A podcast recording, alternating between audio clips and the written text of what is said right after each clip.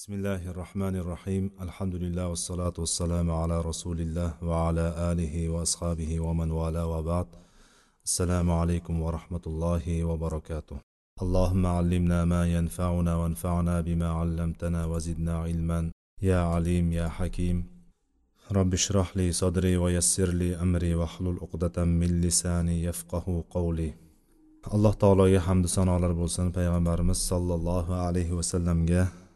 Salovatu durudlar bo'lsin. Allohning marhamati bilan bugun yana inshaalloh riyoz solihin darsimizni davom ettiramiz. Riyoz solihin kitobidan ma'rufga buyurib munkardan qaytarishlik haqidagi bobda davom etayotgan ekanmiz. Bundan meni kitobimdagi hadisga ko'ra bir yuz to'qson yettinchi hadisga kelib to'xtagan ekanmiz. Bobning to'qqizinchi hadisi. عن أبي سعيد الحسن البصري أن أعز بن عمرو رضي الله عنه دخل على عبيد الله بن زياد فقال أي بني إني سمعت رسول الله صلى الله عليه وسلم يقول إن شر رعاء الحطمة فإياك أن تكون منهم.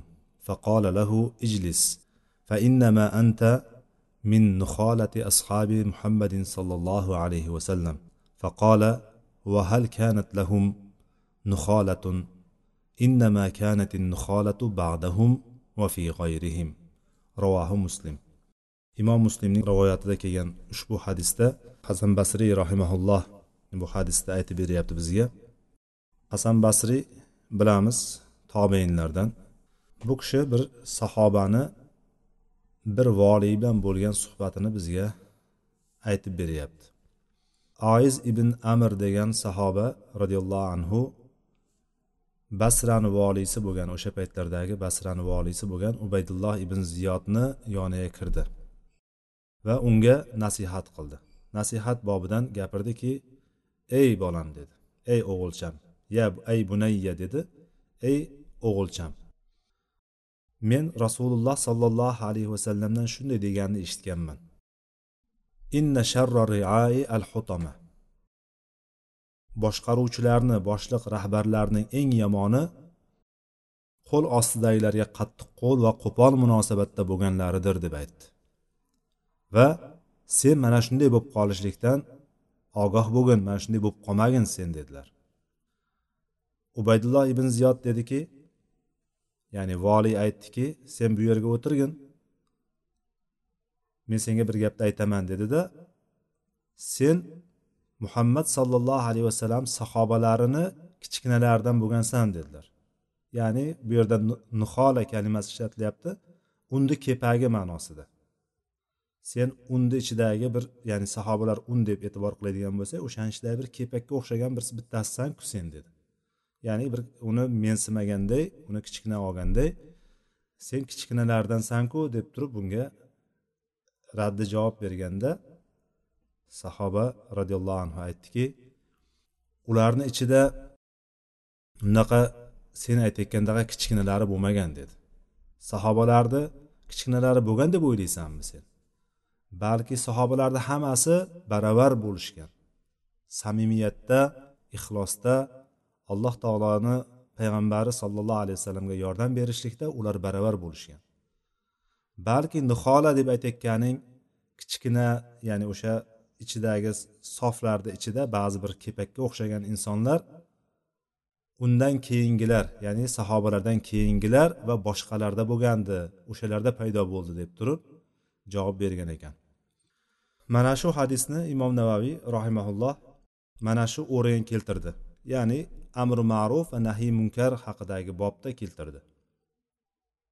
Bu yerdan ko'ramizki sahoba oiz ibn amr roziyallohu anhuni. U kishini voliyni qarshisiga chiqib turib mana shunday gapni ayta olganligi bu yerga ya'ni amri ma'ruf nahiy munkar bu yerda ko'proq aytayotgani nasihat qilib aytyapti ma'rufga buyuryapti va munkardan qaytaryapti. Ya'ni bu yerda bir narsani munkar ekanligini ko'rsatib turib o'shanday bo'lib qolmagin deb turib buni ogohlantiryapti. Ubaydulloh ibn ziyod biz tarixdan bilamiz uni kimligini.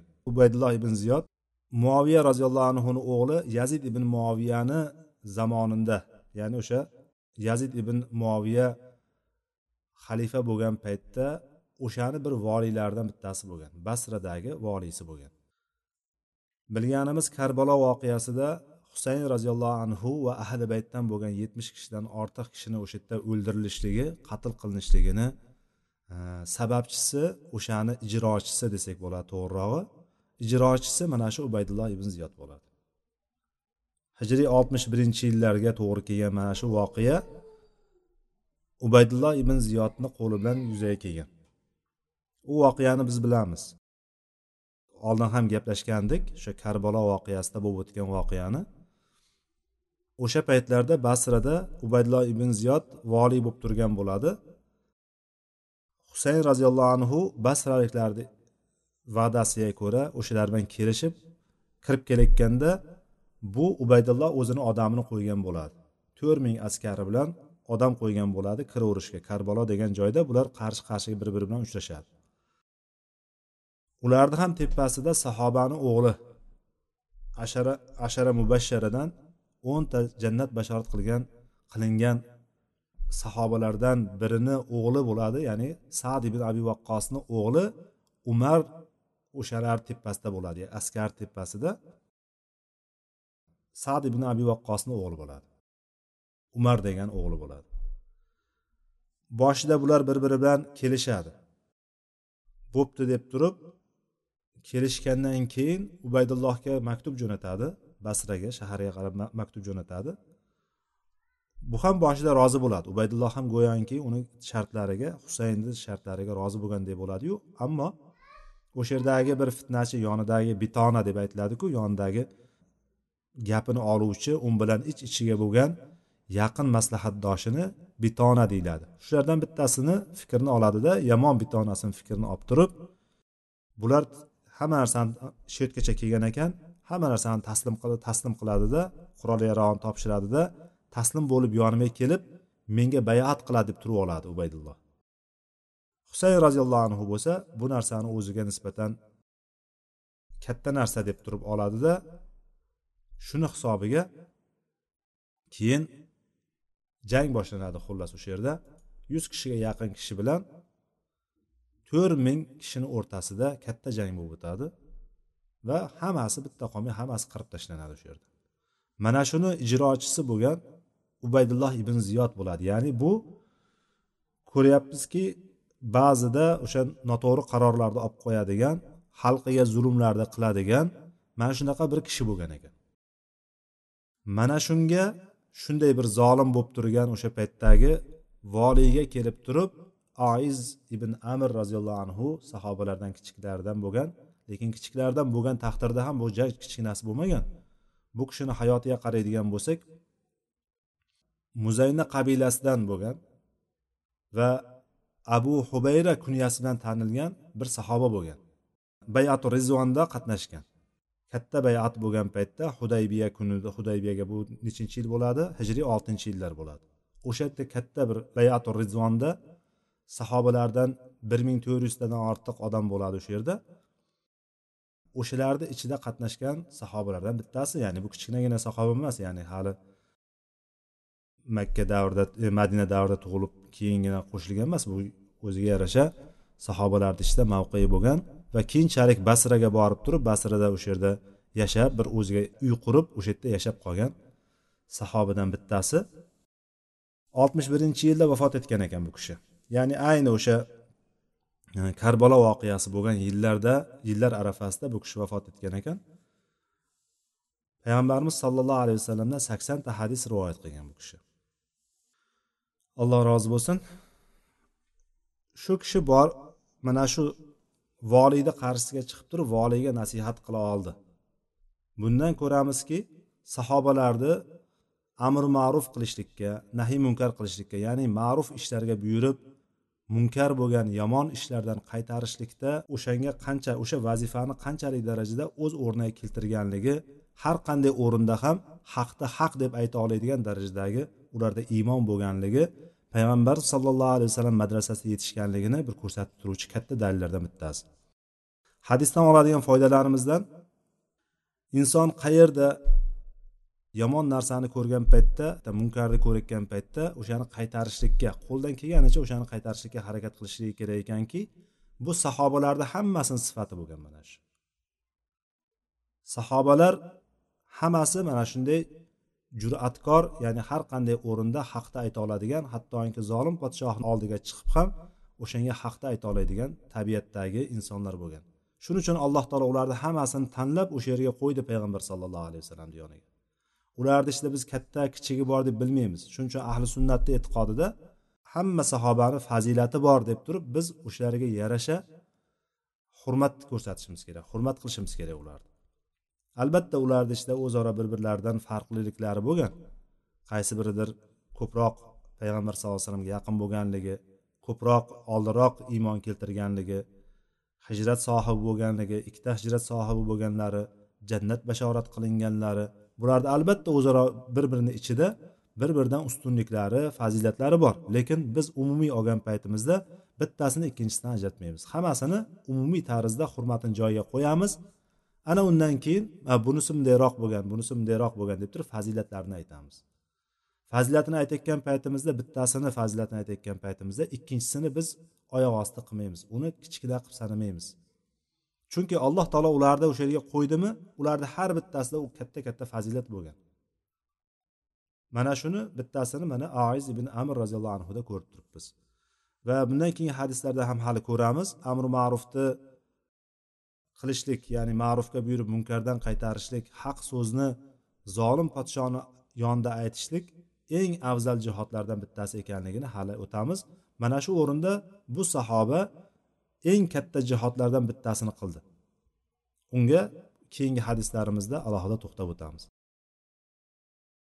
bobning o'ninchi hadisi an huzayfa roziyallohu anhu anna nabiy sollallohu alayhi vasallam qol والذي نفسي بيده لتأمرن بالمعروف ولتنهون عن المنكر أو ليوشكن الله أن يبعث عليكم عقابا منه ثم تدعونه فلا يستجاب لكم رواه الترمذي وقال حديث حسن imom termiziy rivoyat qilgan hadis va bu hadisni hasan hadis deb turib aytgan ekan imom termiziy mana shu hadisda huzayfa roziyallohu anhu rivoyat qilyapti payg'ambarimiz sollallohu alayhi vasallam shunday dedilar. Jonim qo'lida bo'lgan jonim uning qo'lida bo'lgan allohga qasam ichib aytamanki yo yaxshilikka buyurib yomonlikdan qaytarasizlar yoki olloh sizlarga yaqin zamonda bir azob uqubatni yuboradi dedi. Ana o'shandan keyin sizlar duo qilsalaringiz duolaringiz qabul qilinmaydi dedilar. Ya'ni bu yerda tahdid ko'rinishida aytilyapti. Payg'ambar sallallohu alayhi vasallam qasam bilan aytyapti boshida. Qasamni o'zi ba'zi bir o'rinlari bor. Qasam aytishlik qasam ichishlikni ba'zi bir o'rinlari bor. Qur'onda ham alloh taolo bir qancha o'rinda qasam ichgan.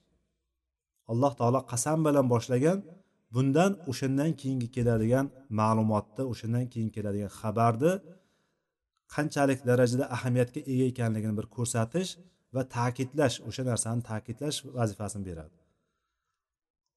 Ikkinchi tarafdan johiliyat davrida har bir gapida qasam ichishlik bor. Har bir gapida qasam ichishlik degan narsa keng yoyilgan bo'lgan xuddi hozirgi kunda. Har bitta gapida vallohi yo bo'lmasa vallohi tallohi billahi deb turib qasamni hamma ko'rinishini aytadigan xuddi o'shanday holat bo'lgan. Buni oyatda ham qasam ichishlikda har qanday qasam ichavermanglar e, deb turib aytilgan. Undan keyin o'rganib qolingan lag'v qasamlar bilan alloh taolo sizlarni ushlamaydi. Sizlarga azob bermaydi degan oyatlar nozil bo'ldi. Va payg'ambar sallallohu alayhi vasallam ham bir tarafdan qanaqa o'rinlarda qasam ichishligini ko'rsatishlik uchun sahobalarga ba'zi o'rinlarda qasam ichgan deb aytiladi. Va boshqa tarafdan bo'ladigan bo'lsa undan keyingi kelayotgan jumlani qanchalik ahamiyatga ega ekanligini ta'kidlash uchun qasamda aytgan deydi. Bu yerda qasamni ko'ramizki mana bu o'rinda payg'ambar sallallohu alayhi vasallam qasam ichdilar va undan keyingi kalimani o'zi arab tilini qoidalariga ko'ra juda kuchli ta'kidlar bilan ifoda qildilar. Boshida qasamni aytgandan keyin undan keyin latamurunna deb turib o'sha yerdagi lomi ta'kid bor oxiridagi nunu saqil ta'kid dediğimiz bu ta'kidlarni payg'ambar sallallohu alayhi vasallam ishlatdilar. Ya'ni bundan ko'rinadiki o'sha jumla juda ahamiyatli. Ko'zingni och mana bunga yaxshilab e'tibor dekkanday bo'ladi bu hadis bizga. Ya'ni bizda ikkita shart turibdi yonimizda. Qarshimizda yo biz ma'rufga buyuramiz va munkardan qaytaramiz. Ya'ni tinimsiz ma'rufga buyuramiz tinimsiz munkardan qaytaramiz. Yaxshiliklarga buyurib ya'ni o'zbekcha qilib aytadigan bo'lsak yaxshiliklarga islomga iymonga namozga ro'zaga sadaqa berishlikka ota onaga yaxshilik qilishlikka qo'ni qo'shniga yaxshilik qilishlikka bir biriga yordam berishlikka buyuramiz va munkardan yomon ishlardan qaytaramiz. Boshida shirk kufr bo'lib buyog'i pastga qarab tushib kelaveradigan hamma yomonlikni nima turi bo'ladigan bo'lsa bu narsalardan tinimsiz ravishda qaytaraveramiz. Agar buni shuni qilmaydigan bo'lsak alloh taolo layushikannallohu ayyabasa alaykum iqoban minhu deyapti. Alloh o'zini huzuridan o'zi tarafidan bo'lgan bir iqobni bir azobni bir baloni yuborishligiga yaqin bo'ladi dedi. Ya'ni alloh taolo yoki shuni sizlarga yuboradi dedi. Ana o'shandan keyin balo kelgandan keyin sizlar duo qilasizlaru sizlarga duolaringiz ijobat qilinmaydi dedi. Mana bu o'rinda bu hadisdan ko'ramizki bizga keladigan narsa bizni o'zimizni qilgan ishlarimiz bilan kelar ekan. Biz amri ma'ruf va nahiy munkarni yaxshilikka buyurib yomonlikdan qaytarishlikni biz tashlab qo'yamiz yoki ummatni ichidagi olimlari ham tashlab qo'yadi. Ana o'shanda qavmni ustiga bir balo keladi. Allohni azobi uqubati keladi. Bu balo kelganda bu balo har xil ko'rinishda kelishligi mumkin. Bizni boshimizga bizni tepamizga zolim podsholarni kelishligi zolim rahbarlarni kelishligi va ularni qo'li bilan xalqni ezilishi xalqqa zulm qilinishligi har tomonlama xoh ma'naviy bo'lsin xoh moddiy bo'lsin har tomonlama ezilishligi zulm qilinishligi ham mana shu balolarni bir ko'rinishi. Yoki musulmonlar o'rtasida o'zaro chiqadigan tortishuvlar o'zaro chiqadigan urushlar mana bular ham mana shu alloh taoloni jo'natayotgan bir balolardan bittasi bo'ladi. Bu umumiy olgan paytimizda jamiyatga nisbatan olgan paytimizda yoki dunyoga nisbatan olganimizda agar amri ma'ruf va nahiy munkar qaysi xalqlardan ko'tariladigan bo'lsa alloh taolo o'sha xalqlarni ustiga bir balolarni yuborib turadi o'zini azobini yuborib turadi. Bizni tepamizga yoki bir xalqni tepasiga bir zolim podshohni kelib qolishligi zolim bir boshqaruvchi rahbarni kelib qolishligi ham ularni o'ziga qilgan ishlariga yarasha bo'ladi. Chunki sizlar qanday bo'lsalaringiz sizlarni boshliqlaringiz ham shunaqa bo'ladi deydi. Ya'ni bitta xalqni ichida ma'lum bir nechadir foizini tashkil qiladigan ya'ni oz sondagi musulmonlar allohni bila taniydiganlar va amr ma'rufni yo'lga qo'yganlar bo'lishligi mumkin. Lekin umumiy sonni olgan paytimizda ular hech kim bo'lib qoladi. Ana o'sha holatda qolganlarni kasriga bular ham qolib ketadi. Va vaqtida bular ham hech narsa qilmagan bo'ladi. Vaqtida bular ham amri ma'ruf va nahiy munkarni qoyillatib qo'ymagan bo'ladi yo bo'lmasam boshqa ishlarni qilmagan bo'ladi. Ana undan keyin bularni ustiga alloh taolo bir baloni yubordi. Deylik mana shu zolim podshoni yubordi. Yoki bir boshqa boshqa har xil musibatlarni yubordi. Ana endi duo qilsin duosi qabul bo'lmaydi. Chunki undan oldingi ishni jazosi sifatida kelgan balo bu narsa duo bilan ko'tarilmaydi. Hadisda mana shu narsani olamiz. Hadisda aytib turibdiki sizlarga bir baloni azob uqubatni jo'natadi. Ana o'shandan keyin sizlar duo qilasizlar alloh taolo uni duosini sizlarga ijobat qilmaydi dedi. Sizlarga duoni qabul qilmaydi alloh taolo. So'ragan narsalaringni bermaydi dedi. Bu hadisdan mana shu narsani ko'ramiz. Nimaga shuncha odam duo qilib yotibdiyu bu masalan zolim hech ketmayapti yoki shuncha duo qilyapmizu ahvolimiz o'nglanmayapti degan bir qancha savollarga ba'zi bir o'rinlarda kichkinagina joyda javob berib ketilgan bo'ladi. Mana shu javobdan bittasi mana shu hadisda kelib turibdi. Agar biz amr ma'ruf va nahiy munkarni tashlab qo'yadigan bo'lsak alloh taolo bizni bo'ynimizga farz qilib qo'ygan bu vazifani tashlab qo'yadigan bo'lsak alloh o'zini huzuridan bir o'zi tarafidan bo'lgan bir azobni jo'natadi bir musibatni jo'natadi baloni jo'natadi. Ana undan keyin biz nima qilsak qilaylik? Bu narsa bizdan ko'tarilmaydi. Toki biz dinimizga qaytmagunimizcha dinimizga qaytamiz allohga qaytamiz tavba qilamiz va mana shuni qaytadan yo'lga qo'yamiz. Alloh taolo bu narsalarni bizdan ko'taradi inshaalloh. Ya'ni bu hadisdan yana olinadigan narsa alloh taoloni buyruqlarini va qaytariqlariga alloh taoloni buyruqlari va qaytariqlariga rioya qilmagan kishilar duosini qabul bo'lmasligini ham chiqarishligimiz mumkin bundan alloh taolo bir narsani buyurgan bo'lsa o'shani qilmay yurgan odam qaytargan narsa bo'ladigan bo'lsa o'sha qaytargan narsadan qilib yurgan odamlarni duolarini ijobat bo'lmasligiga bir sabab bo'ladi ekan o'sha qilib turgan ishlar.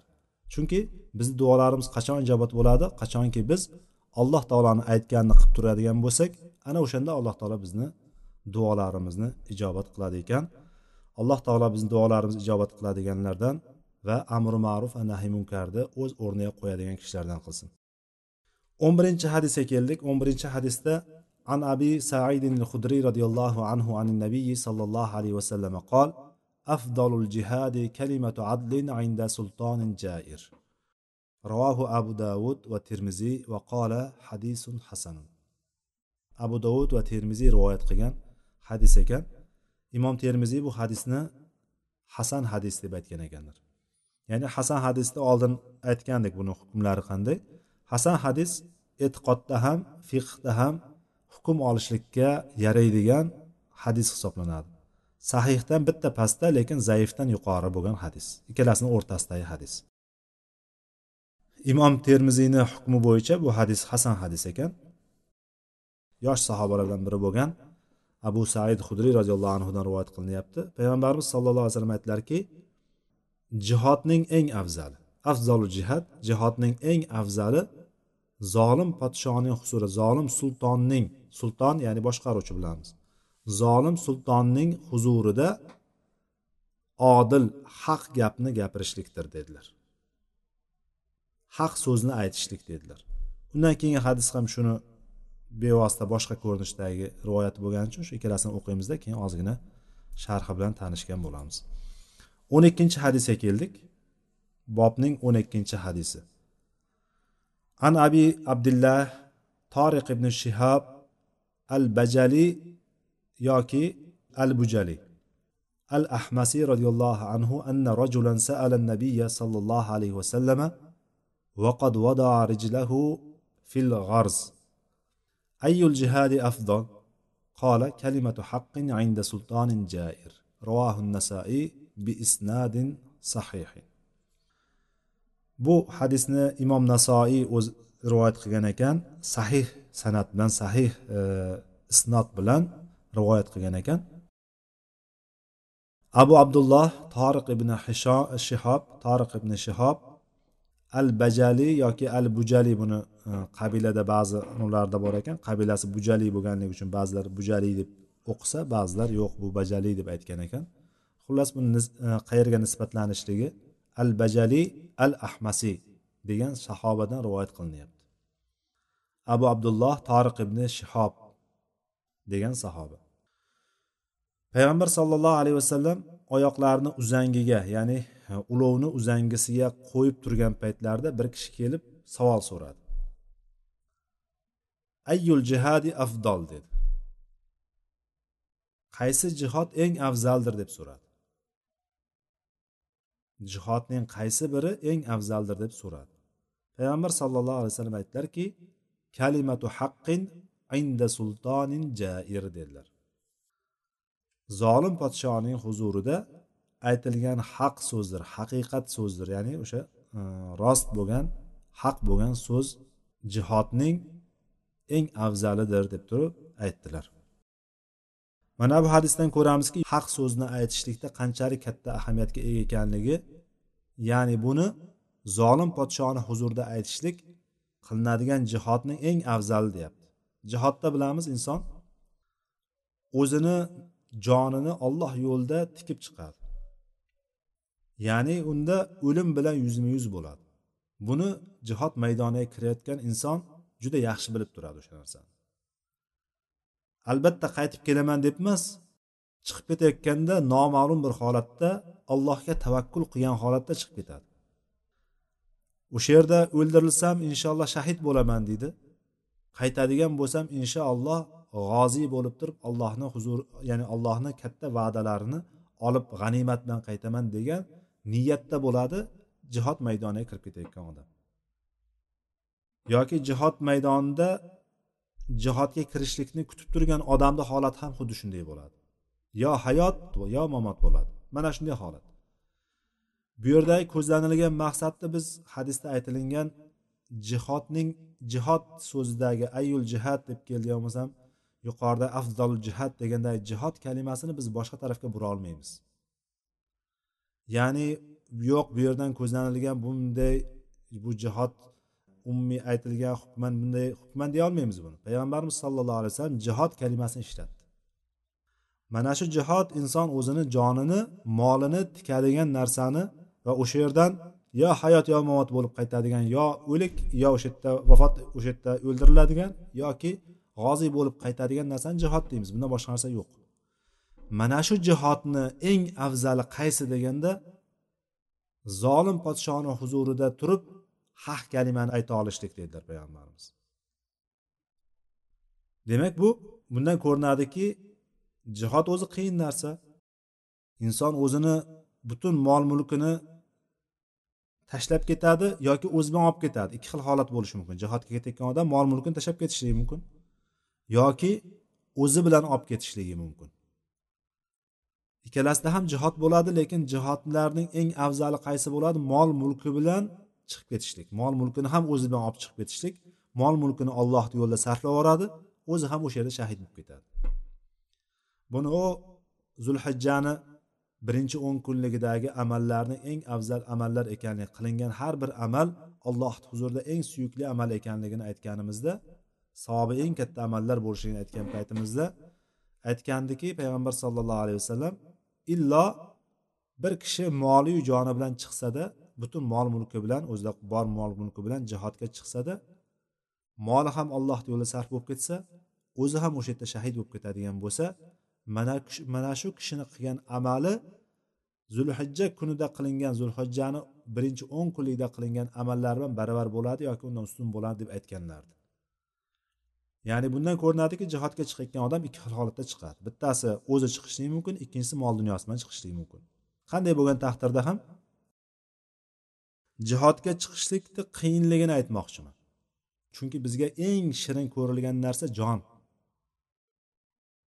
Jon. Kerak bo'lsa inson o'zini jonini saqlayman deb turib o'ziga eng yaqin bo'lgan odamlarni fido qilib yuboradi shunday emasmi? Ya'ni mana shunday holatdagi bo'lgan bu jon jonini tikib jihodga chiqishlik degani mana shunday katta narsa bo'ladi. Endi buni ham eng afzali bo'ladigan bo'lsa mana bu zolimni zolim podshoni huzurida bu narsani haq gapni gapirishlik. Demak bu zolim podshoni huzurida haq gapni gapirishlik oson narsa emas ekan. Kichkina narsa emas ekan. Biz bilganimiz kichkina narsa emas ekan.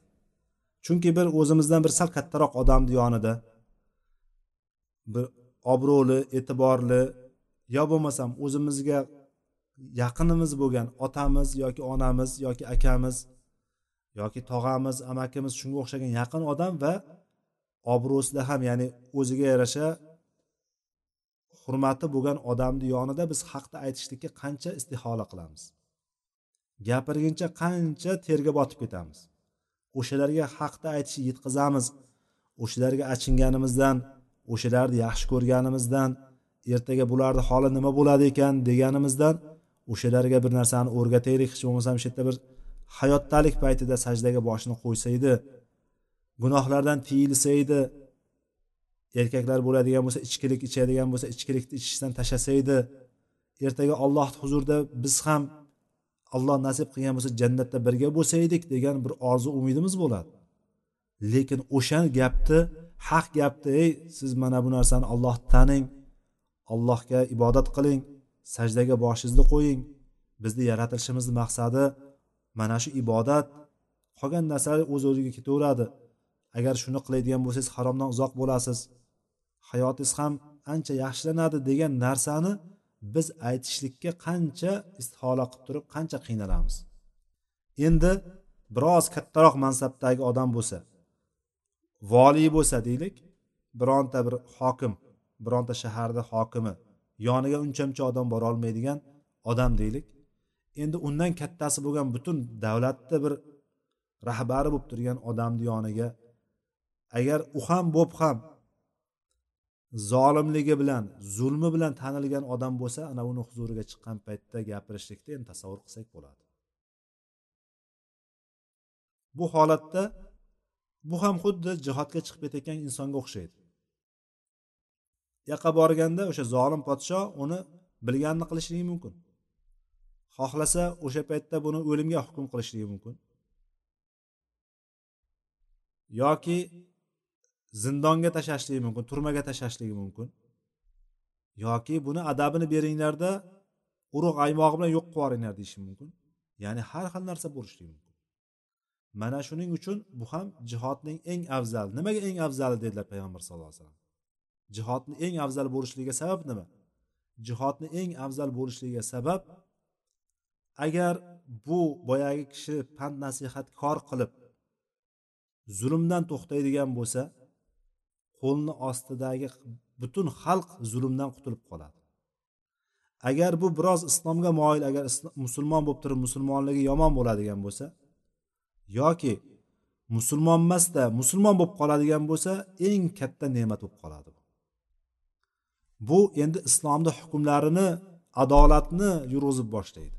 Bu bilan birinchidan boyagi sultonni o'zini qutqaryapti. Boyagi da'vatchi sultonni o'zini qutqaryapti. Shu bilan birga butun xalqni qutqarib qolyapti.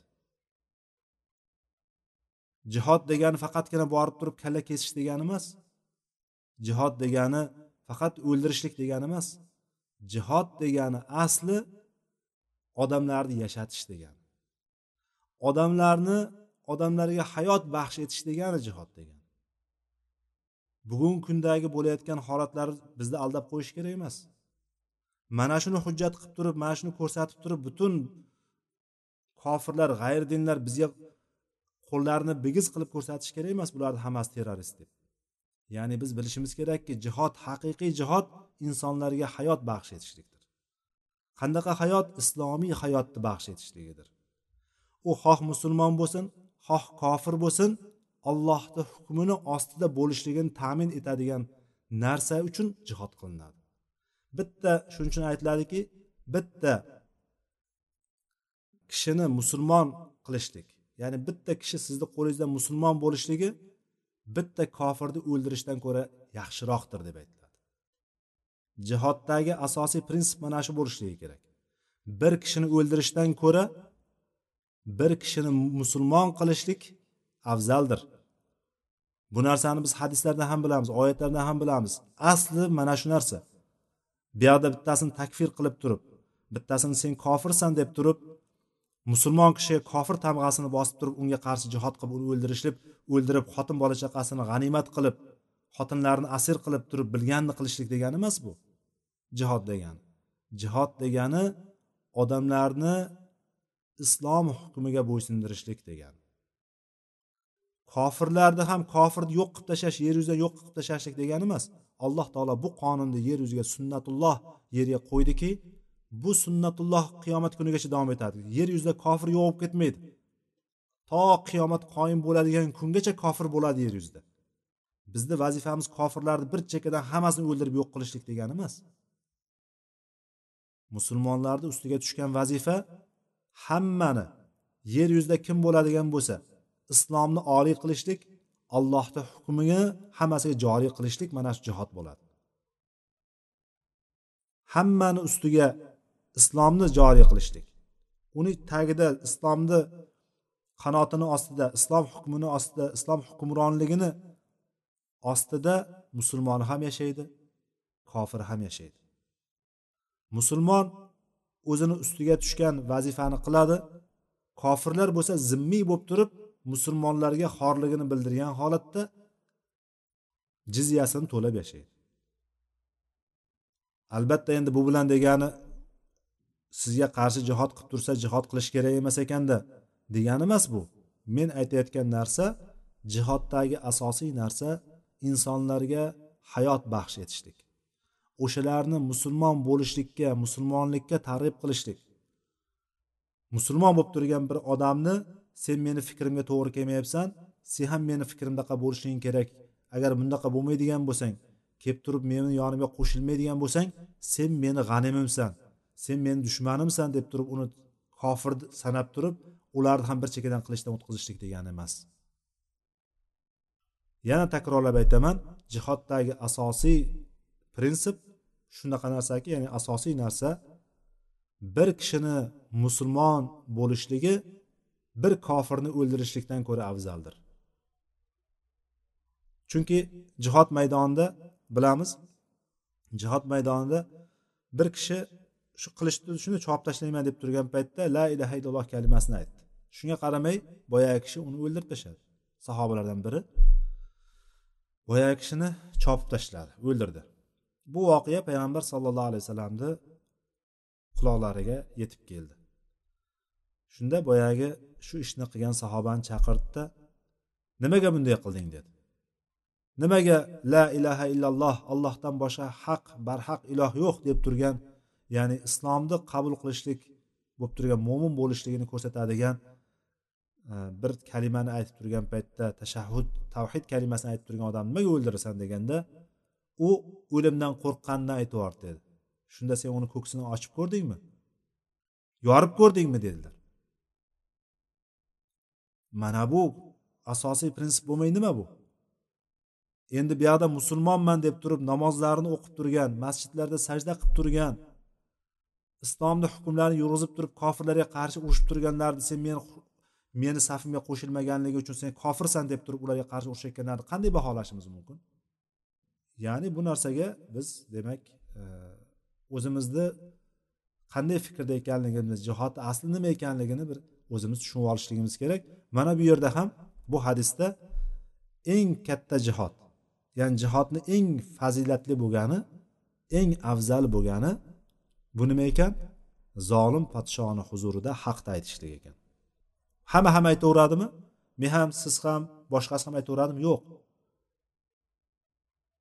Unga haqni chiroyli tarzda yetkaza oladigan unga dalillari bilan kerak bo'lsa agar biron bir holat bo'ladigan bo'lsa bahs bo'ladigan bo'lsa bahsda islomni yetkazib bera oladigan bir odam bo'lishligi kerak. Demak bu vazifani olimlar yopadi. Bu vazifani olimlar qiladi.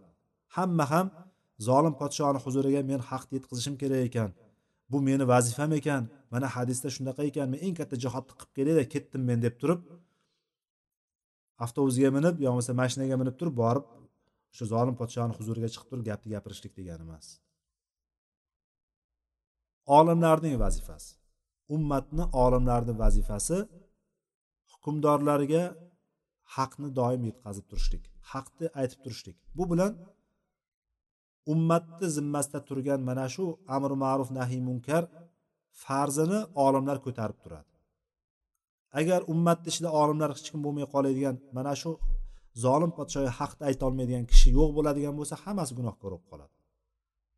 Bo'lishi kerak o'shanda insonlar haqni yetkazadigan. Omma insonlarni vazifasi nima? Omma insonlarni vazifasi o'zlarini o'rtasida o'zlari chiqa oladigan kishilarga o'shalarga haqni ayta olishlik. Haqni aytayotgan paytimizda yuqorida aytganimiz qoidalarga binoan o'shani ilmini bilishlik kerak. Aytayotgan chaqirayotgan narsamiz nima ekanligini bilishimiz kerak. Og'zimizga kelgan narsani gapirishlik emas. Yoki ba'zi narsalarni eshitib olib turib yoki ba'zi narsalarni chala o'qib olib turib o'sha narsani gapirib yurishlik emas.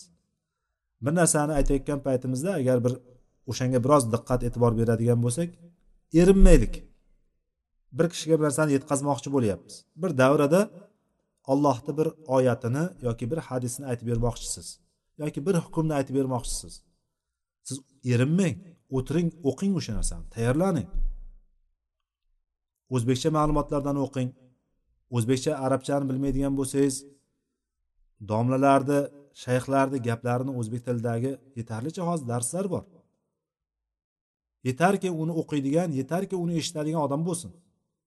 Hamma narsa bor hozir. Yetarlicha darslar bo'lyapti.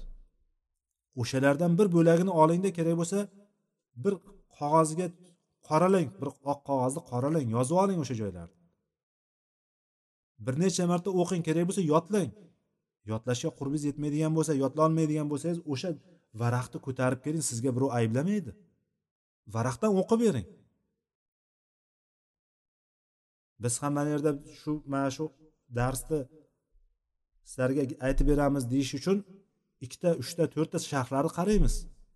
Darsdan oldin qarab turib bunda bu nima ekan bu nima ekan deb sharhlarga qarab turib biz o'zimiz muhaddis emasmiz yoki mufassir olim emasmiz katta olim emasmiz biz talab ilmmiz agar talabi ilmni safiga qo'shilsa bizda agar.